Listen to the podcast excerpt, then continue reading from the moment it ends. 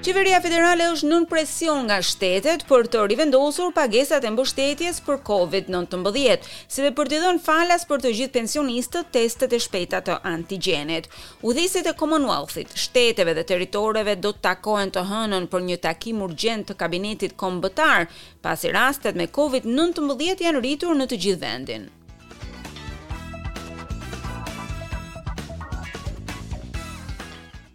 There are like bills and stuff that come up um, and like not getting regular income if I didn't get the support payment would be difficult. Ka fatura dhe gjëra të tjera, të cilat natyrisht ndikohen nga të ardhurat e parregullta. E nëse nuk do të isha në gjendje të merrja pagesat e mbështetjes, do të ishte e vështirë, sepse punoj me raste dhe nuk do të kisha asnjë të ardhur për një javë ose dy javë. Është ky David Lee, i cili punon në një qendër mësimi përpara dhe pas shkollës, ai punon si arbitër futbolli dhe si mësues, ndërkohë që studion në Sidni. Por me gjithë faktin që është i punësuar në disa vende pune, ai nuk ka të drejtë të marrë pushime mjekësore dhe nuk është në gjendje të punojë nga shtëpia nëse sëmuret me Covid. David është me fat, ai jeton në shtëpi me familjen, por shpreson se pagesat do të rikthehen.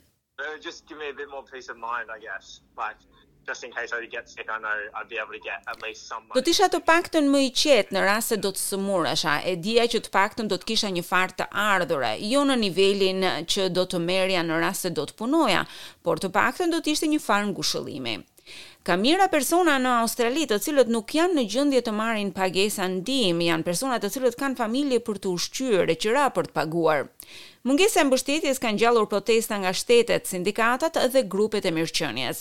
Premierët e shteteve dhe territoreve, si liberalë ashtu dhe laburistë, i kanë bërë thirrje kryeministrit të marrë në konsideratë rivendosjen e pagesave të mbështetjes për Covid nëntëmbëdhjetë për ata persona të cilët kanë nevojë të izolohen për shkak të sëmundjes me Covid. Premieri i New South Wales, Dominic Perrottet, thotë se shteti i tij madje është i gatshëm të kontribuojë për gjysmën e kostos. I think it is unfair that when the state imposes public health orders on people Mendoj se është e padrejtë që kur shteti të vendosë urdhra për shëndetin publik ndaj popullit për të kufizuar lirinë e qytetarëve, aftësinë e tyre për të punuar, e në të njëjtën kohë qeveria nuk u ofron atyre mbështetje financiare. Kryeministri sapo është kthyer nga Forumi i Ishujve të Paqësorit, ku një nga mesazhet kryesore ishte uniteti. Por në Australi përgjigjja ndaj Covid është shumë larg ndaj unifikimit. Anthony Albanese thotë se tashmë të gjithë punëdhënësit janë përshtatur dhe ata japin më shumë mundësi punëtorëve të punojnë nga shtëpia. The idea that that no one is getting any sick leave at at the moment is just not the case. Good employers. Ideja që askush nuk ka të drejtë të marrë pushim mjekësor për momentin është e gabuar. Punëdhënësit e kuptojnë se njerëzit do të jenë në gjendje të punojnë nga shtëpia edhe kur kanë covid, e si rrjedhojë kanë të drejtë të marrin pagesa nëpërmjet saj. Australia tani po përballet me një rritje të madhe të rasteve me Omicron, pothuajse pesëdhjetë mijë të regjistruar në njëzet e katër orët e fundit, katër mijë e pesëqind persona aktualisht të shtruar në spital. Epidemiologu, profesor Tony Blakely thotë se covid nuk do të zhduket. We're looking at unfortunately a pretty rough next couple of months because of Omicron BA four, five. Muajt në vazhdim do të jenë të vështirë. Kjo për shkak të Omicron BA katër dhe pesë, të cilët janë më shumë infektivë. Ka imunitet, megjithatë po shohim një valë tjetër infektimesh, e kjo natyrisht do ta rëndojë gjendjen e shërbimeve shëndetësore. Ndihmës sekretari i Këshillit Australian të Sindikatave, Liam O'Brien, thotë se është thelbësore që punëtorët të jenë në gjendje të ndjekin rregullat dhe të izolohen në shtëpi pa ndier presione financiare. for casual workers, for workers in insecure employment, but also for those that have run their sick leave down over the last two years. They have nothing.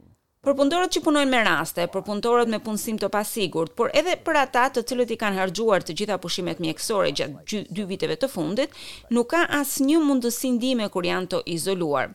Leja pandemike do të ishte ajo e cila do t'i jepte të paktën një farë ndihme bazë. Udhëheqësja në detyrë pas opozitës, Sussan Ley e ka kritikuar gjithashtu qeverinë për heqjen e këtyre pagesave. Ajo i tha programit të Seven Sunrise se qëndrimi i qeverisë është i pamjaftueshëm. Anthony Albanese said he would take responsibility and he would leave no one behind. He's failed both. Anthony Albanese tha se do të merrte përgjegjësinë e duhur dhe nuk do të harronte të kujdesej për askënd. Ai dështoi, Në qendër të këtij dështimi është një pagesë pushimi e cila është shumë e nevojshme për persona të cilët ndiejnë presion financiar për shkak të Covid nëntëmbëdhjetë. Ndërkohë, Anthony Albanese tha se vendimi për t'i dhënë fund pagesave në datën tridhjetë qershor u mor nga ish-qeveria, dhe se zgjatja e tyre do të çonte në një rritje të kostos për qeverinë. We inherited these decisions, but we also inherited a trillion dollars of debt. Jo vetëm që i trashëguam këto vendime, por trashëguam edhe një trilion dollarë borxh dhe kjo është gjithçka që nuk është aspak përgjegjësia jonë. Por Liam O'Brien thotë se ndërprerja e plotë e mbështetjes do t'i kushtojë vendit më shumë. If we don't manage the health response appropriately, then the economic situation just gets worse. We saw that last year. Nëse nuk e menaxhojmë siç duhet përgjigjen shëndetësore, atëherë situata ekonomike thjesht përkeqësohet. Ne e pamë që vitin e kaluar, për sa i përket vaksinave, në fillim të këtij viti, në lidhje me testet e shpejta. Kjo nuk është çështje buxhetore. Nëse duam ta mbajmë buxhetin në rregull, nëse duam të mbajmë ekonominë në lëvizje, duhet të menaxhojmë sistemin shëndetësor. Udhëheqësit federalë të shteteve dhe territoreve do të takohen të hënën për një takim urgjent të kabinetit kombëtar. Kryeministri Anthony Albanese u detyrua të mbledhë kabinetin pas kërkesës së bërë nga premierja e Queensland Annastacia Palaszczuk. Pjesë e axhendës së mbledhjes së kabinetit do të jetë edhe dhënia e testeve falas për të gjithë pensionistët. Në New South Wales, Dominic Perrottet thotë se qeveria e tij është ajo e cila do të mbushë boshllëkun e mungesave të dhëna nga qeveria federale.